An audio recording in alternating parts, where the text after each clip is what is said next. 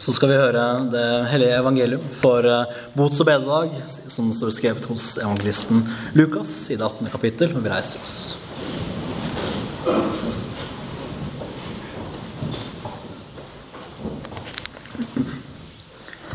Han fortalte også denne lignelsen til noen som stolte på seg selv, at de var rettferdige, og foraktet de andre.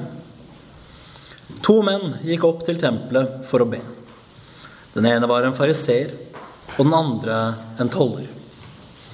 Fariseeren sto for seg selv og ba slik. Gud, jeg takker deg fordi jeg ikke er som andre mennesker, røvere, urettferdige, horkarer eller som denne tolleren. Jeg faster to ganger i uken og gir tiende av alt jeg tjener. Men tolleren sto langt borte. Han ville ikke engang løfte øynene mot himmelen, men slo seg for sitt bryst og sa, Gud, vær meg synder nådig. Jeg sier dere, denne gikk rettferdiggjort hjem til sitt hus, ikke den andre. For hver den som opphøyer seg selv, skal fornedres, men den som fornedrer seg selv, skal opphøyes.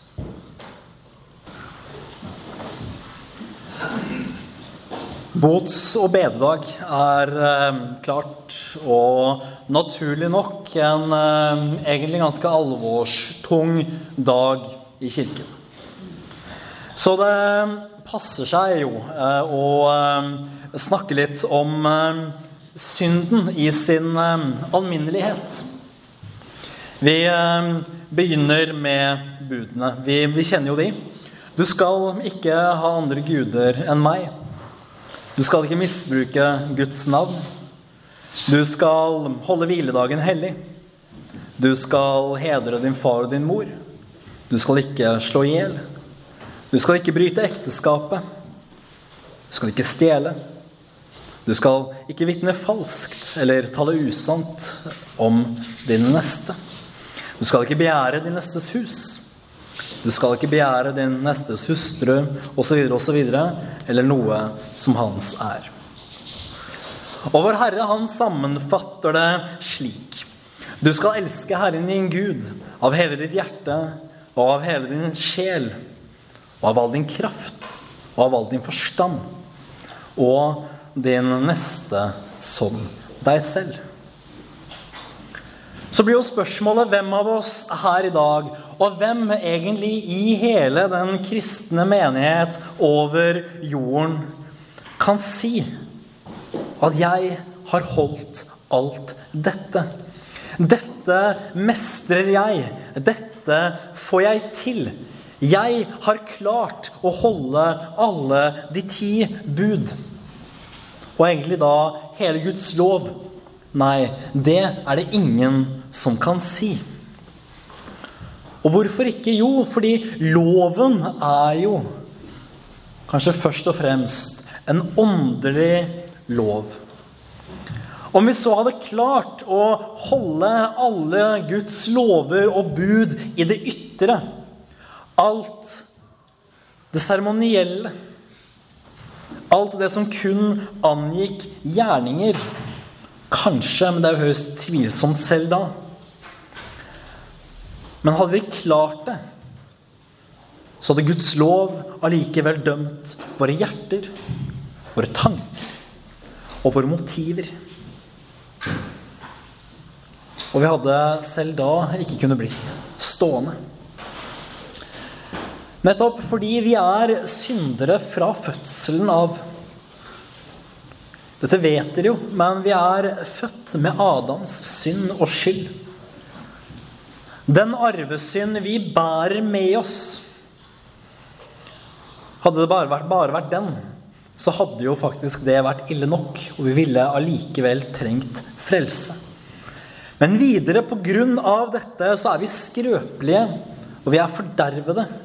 Og vi klarer ikke unngå å bryte Guds bud på mange, mange måter. Og dette her, det er jo noe som gjelder absolutt alle mennesker. Kristne, ikke-kristne. De som tror på noe, de som ikke tror på noe i det hele tatt. Fordi vi er jo ikke relativister. Vi tror at det finnes én sann Gud, og at hans vilje den er uforanderlig og alltid sann. Det er ikke sånn at Gud skifter mening.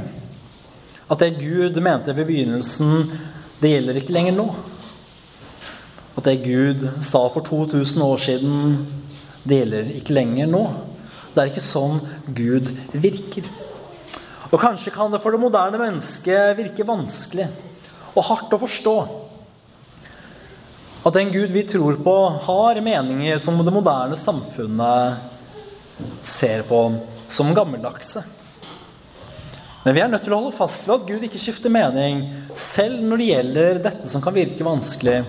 Fordi en Gud som skifter mening, det er en skummel Gud. Og vi vet at Gud ikke skifter mening. Og da vet vi også at Guds løfter til oss i Skriften står fast. Så Guds vilje, den er alltid den samme. Den er uforanderlig, og den er sann. Dette betyr at alle mennesker er syndere. Nettopp fordi alle mennesker er underlagt den sanne Gud. Alle mennesker er underlagt loven. Og som en følge av dette så er vi også underlagt dommens straff. Det var litt om synden i sin alminnelighet. Er det sånn at Guds menighet, da, de kristne, Guds kirke, er vi fri for synd? Vi skulle kanskje gjerne ønske at det var sånn. Men både Guds ord og vår erfaring vitner om at uh, sånn er det ikke. Vi kan se på oss selv, og vi kan se at ja, rett nok tror jeg på Kristus. Rett nok er jeg en kristen. Rett nok går jeg til kirke. Men jeg er likevel en synder. For jeg er så svak, og det er så mye jeg ikke får til. Og rett ofte nok kan vi også løfte blikket fra oss selv og ut i menigheten og også se syndens konsekvenser. Så Guds menighet er heller ikke fri for synd. Vi må ikke tro at vi er fri for synd bare fordi vi er Guds menighet. Men vi må heller ikke forferdes når vi ser synd hos oss selv og tenke nei, da er jeg ikke lenger Guds barn. Da er vi ikke lenger Guds menighet. For hva er det vi har som kjennetegner oss som Guds menighet? Ikke vår perfeksjon, ikke vår syndfrihet. Men vi har Guds ord, og vi har Guds hellige sakramenter. Så vi må ikke tro at vi ikke har At vi ikke er fri for synd bare fordi vi har nettopp Guds ord, evangeliet og sakramentene. For dette her kan gå hånd i hånd. Men problemet med å tro at Guds menighet er, eller skal være, fri for synd, det er at da blir vi rammet ganske hardt av Jesus sine ord i dagens lignelse. Veien er kort til å bli den fariseeren hvis vi tenker at nei, vi i Guds menighet skal holde oss fri for synd. For hva var det fariseerne glemte? Hva er det fariseeren smykker seg med? At jeg gjør ikke som andre. Men dette gjør jeg. Jeg faster, og jeg gir tiende. Så hvor var det fariseerne trådte feil? Det var det ved at de glemte at loven også dømmer hjertet, samvittigheten. Loven dømmer også det indre, og loven fungerer ikke bare i det ytre. For når vi glemmer dette, da tenker vi at da skal vi smykke oss selv med alt det gode vi gjør. Jeg ber så og så mange ganger om dagen.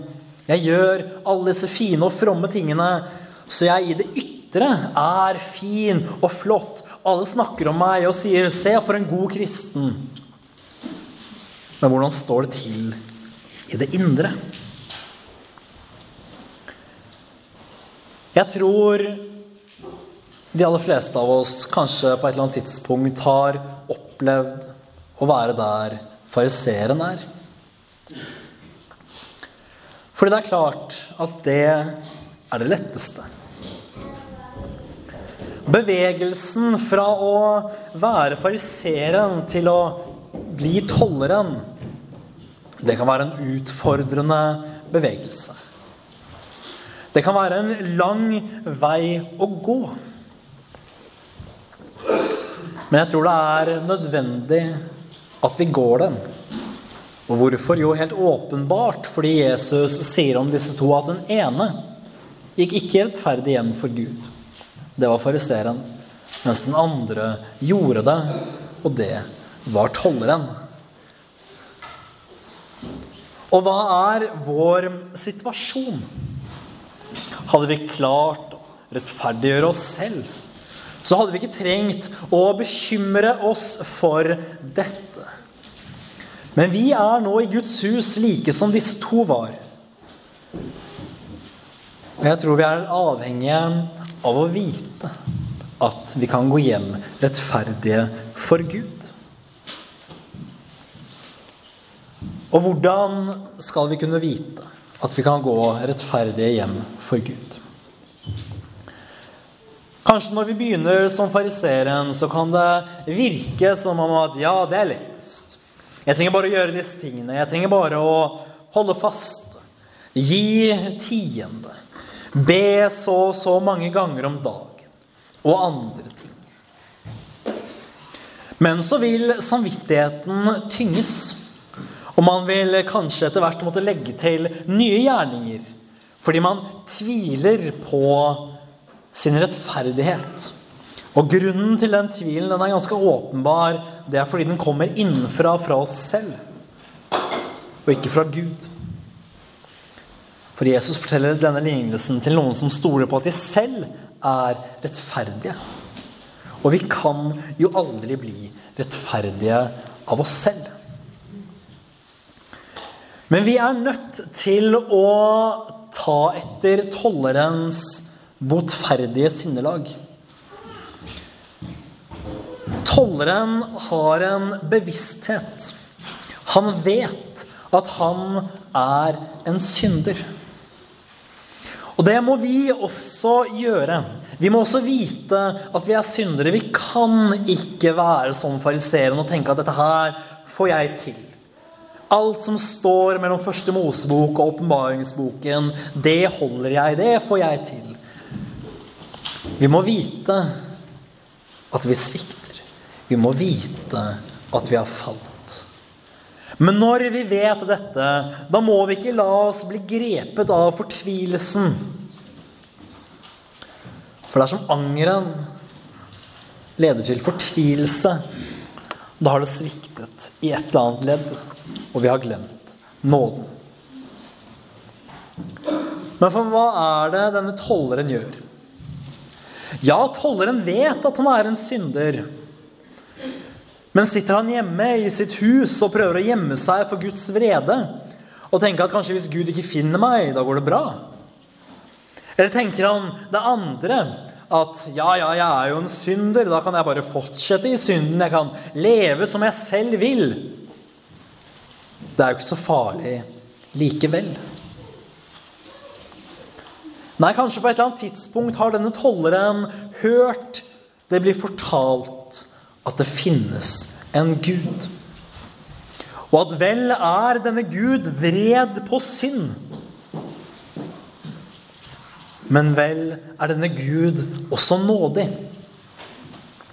Så vel vitende om at han ikke fortjener noe godt fra Gud fordi han er en synder, fordi han fortjener straff, så kommer han til Guds hus, til Guds hellige tempel, slik som vi er kommet hit i dag. Og han kommer ikke rakrygget. Han kommer ikke rakrygget og sier 'Gud, her er jeg. Din trofaste tjener som har fått til alt. Nei, han gjør ikke det. Han kommer med bøyd rygg. Han kommer med et hjerte som er fullt av anger. Og han vet at fra Gud fortjener han ingenting godt. Men han har hørt at Gud er nådig. Og hva betyr det at Gud er nådig? Jo, det betyr at Gud gir oss alt godt, selv når vi ikke fortjener det. Så slik som tolleren kom den gang til Guds hus med bøyd rygg, og som kanskje mange av oss noen ganger kommer til Guds hus med bøyd rygg og tunge hjerter fordi vi vet at det er så meget vi ikke får til, så gikk tolleren derfra med strak rygg. Ikke fordi han der hadde fått til så mye, men fordi han der hadde møtt Guds nåde. Slik også vi kan møte Guds nåde her i kirken i dag. Og også alle andre dager. Fordi det er det boten gjør med oss. Og derfor er boten nødvendig. Boten, eller omvendelsen. Det å vende seg bort fra sine synder, vende seg bort, angre, og gå til Gud og be om nåde. Det høres jo helt absurd ut i det moderne menneskets øre. Jeg har jo ikke gjort noe galt. Det finnes jo ikke synd. Hvis det synd, så, hvis det ikke finnes synd, så finnes det jo heller ikke nåde. Men det finnes visst ikke synd i våre dager. Konsekvensen av det er jo ikke at synden ikke forsvinner. Det er ikke det moderne det ikke det moderne mennesket som har definisjonsmakten over virkeligheten. Nei, det er Gud. Så om eh, vi prøver å si at nei, synd finnes ikke lenger, så gjør den jo det. Konsekvensen av det her når vi mister nåden, mister omvendelsen og mister boten, det er at vi aldri får reist oss opp. At vi går gjennom verden med krummede rygger og vi skjønner ikke hvorfor. Jeg lever jo på den måten jeg selv vil. Jeg lever for å maksimere min egen nytelse og min egen, egen vinning. Hvorfor har jeg det ikke bra? Jo, det er fordi når vi ikke sier at det finnes nåde for synd, som jo er også følgen av å si at det ikke finnes synd da går det ikke an å forkynne omvendelsen. Da går det ikke an å forkynne nåden og tilgivelsen. Og vi må vende om. Vi må finne tilgivelse og nåde hos Gud for å kunne rette våre krummede rygger som er bøyd til bakken av syndens kraft.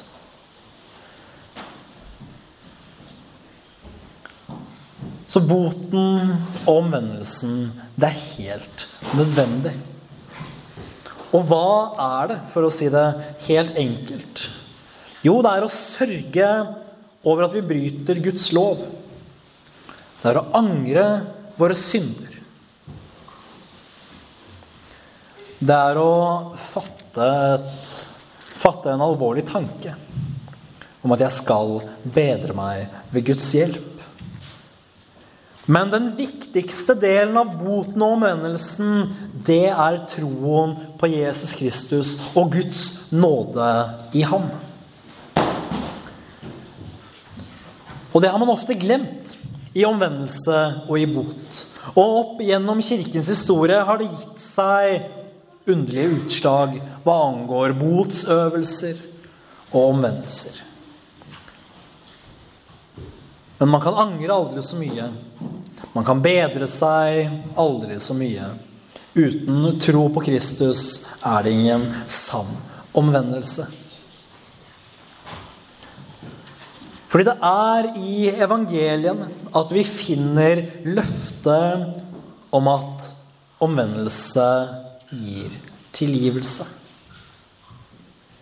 Dersom vi bekjenner våre synder, så er Han trofast og rettferdig, så han tilgir oss syndene. Skriften er krystallklar. Dersom vi bekjenner, så skal han tilgi. Og der har vi også det som jeg var inne på innledningsvis, med en Gud som ikke skifter mening. Hadde Gud skiftet mening, og det som var synd da, ikke lenger var synd nå, hva da med disse ord som vi leste fra apostelen Peter sitt brev? En Gud som skifter mening. Dersom vi bekjenner våre synder, så er han trofast og rettferdig, så han tilgir oss syndene. En Gud som skifter mening, hvordan kan vi vite at han holder ved også dette? Nei, det kunne vi ikke visst. Men vi vet. Fordi Gud er trofast og rettferdig. Guds ord, det står fast. Og det er i evangeliet at vi finner dette. At vi skal få den tilgivelse og den nåde som Gud har lovet oss.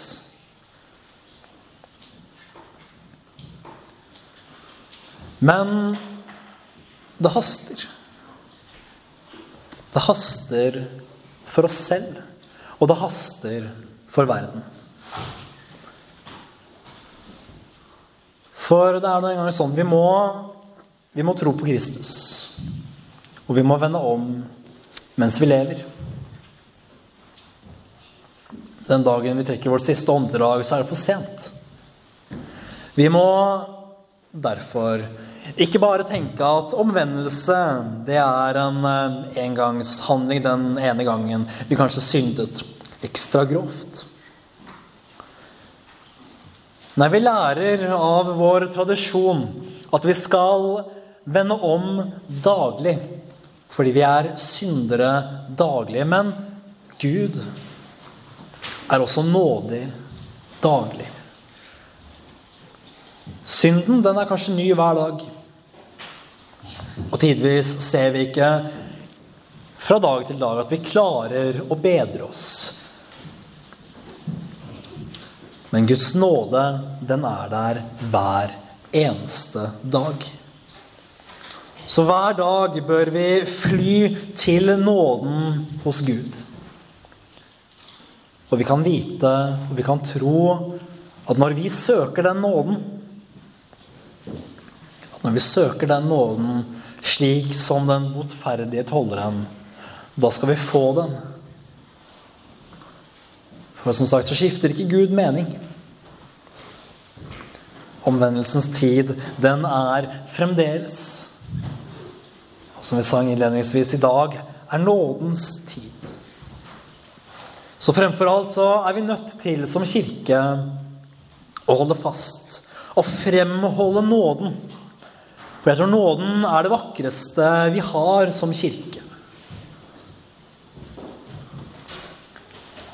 Og for å kunne fremholde nåden, så må vi noen ganger vekke anstøt i verdens øyne og ører ved å forkynne bot, omvendelse, synd og anger.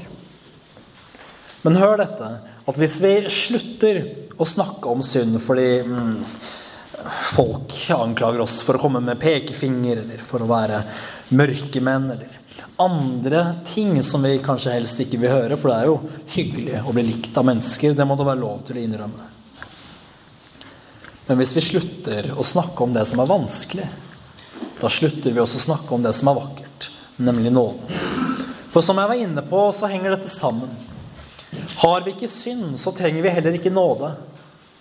Men sier vi at vi ikke har synd, da lyver vi, og vi gjør Gud til en løgner. Så er det kanskje den kristnes lodd her i verden å alltid prøve å balansere dette. Visshet om egen synd, anger over den og gleden over nåden. Men som folk som kirke som troende menighet, så må vi alltid, alltid fremfor alt holde fram løftet om Guds nåde og løftet om tilgivelse for syndene.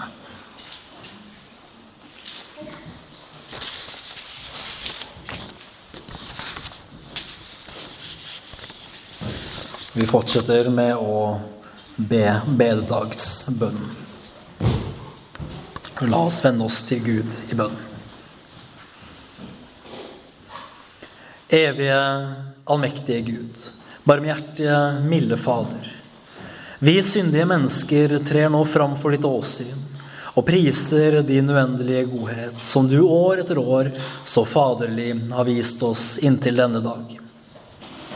Du har av uforskyldt nåde gitt oss ditt hellige ord, og metter oss ennå med det, våre hungrige sjeler, som med det rette himmelske brød. Du har dessuten velsignet oss med mange timelige goder, og nådig fridd oss og vårt kjære fedreland fra egen nød og trengsel som ellers ville kommet over oss. For alt dette være du, vår Gud, og ditt hellige navn velsignet og høylovet til evig tid. Herre, dine gjerninger er store. Vi taler om dem endog vi ikke kan telle dem. Vi forkynner dine velgjerninger og gleder oss over at du hjelper oss så vel. Men akk, hva er vi, o Gud, at du så nådig tenker på oss, og hva er våre gjerninger, at du akter oss så høyt. Vi må bekjenne med anger og sorg at vi er aldeles uverdige til all din nåde. Vi har syndet, Herre, vi har syndet. Våre synder ligger tungt på oss. Våre synder roper til himmelen, og vi skammer oss for å løfte vårt ansikt til deg. Vel har vi ofte bekjent våre synder for deg med bønn og påkallelse, men hva har du siden funnet hos oss av omvendelsens frukter? Vi roser oss av troen, men kjærligheten vet vi dessverre lite av hos oss. Og uten den er vår tro dog kunne akte for en død tro. Vi kaller oss kristne, men hvor veik og elendig er ikke vår kristendom, skjemmet som den er av stygge synder og overtredelser, så ditt hellige navn blir spottet blant menneskene. Ved oss, ved oss som har syndet således. Du, Herre, har funnet våre misgjerninger, og vi må med rette bekjenne at vi ikke er verdt å kalles dine barn. Men for ditt navns skyld, Herre, straff oss ikke i din vrede, og tukt oss ikke i din harme. Vær oss nådig og miskunne deg over oss. For vi vet at din miskunnhet har ingen ende. Og vi trøster oss til ditt trofaste ord, at du ikke vil noen synders død, men at han skal omvende seg og leve. Derfor lar vi vår bønn komme fram for ditt åsyn og roper av et angerfullt hjerte. Forlat, forlat, o milde Fader, alle våre synder, for din enbårne Sønns Jesu Kristi skyld. Se hen til hans lydighet og tilregn oss ikke vår ulydighet.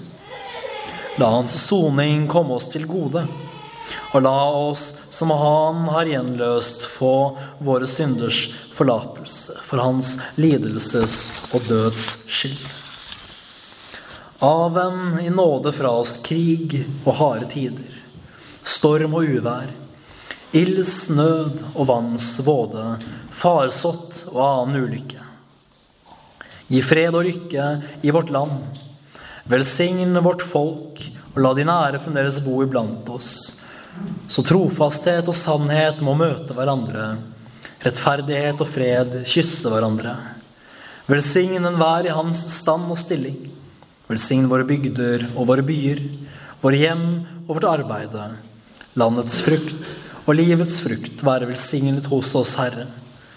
Vær selv de sykes lege de nødlidendes hjelper, de sorgfulles lindrer, de fattiges forsørger, enkers forsvar og de faderløses fader. Trøst alle trøstesløse, hjelp alle hjelpeløse, og miskunne deg over oss alle sammen. Å Gud, vær oss syndere nådig. Hjelp oss å tro at vi alvorlig må angre våre synder. Stadig tro på vår Frelser Jesus Kristus og alltid bære frukter som er omvendelsen verdige. Og gi oss, når vår time kommer, en salig avskjed fra denne verden. Hjelp oss, vår Gud og Fader, at vi ikke faller i syndig sikkerhet og forsømmer nådens tid, men alltid våker og ber med en frimodig ånd og i et glad håp venter på vår Herre og Frelsers, Jesu Kristi, herlige gjenkomst. Herre, du treenige Gud, Fader, Sønn og Hellige Ånd. Hellige, sterke Gud. Hellige, barmhjertige Frelser. Du evige Gud, hør vår bønn og merk vår begjæring. Miskunne deg over oss nå og alltid. Amen. Amen.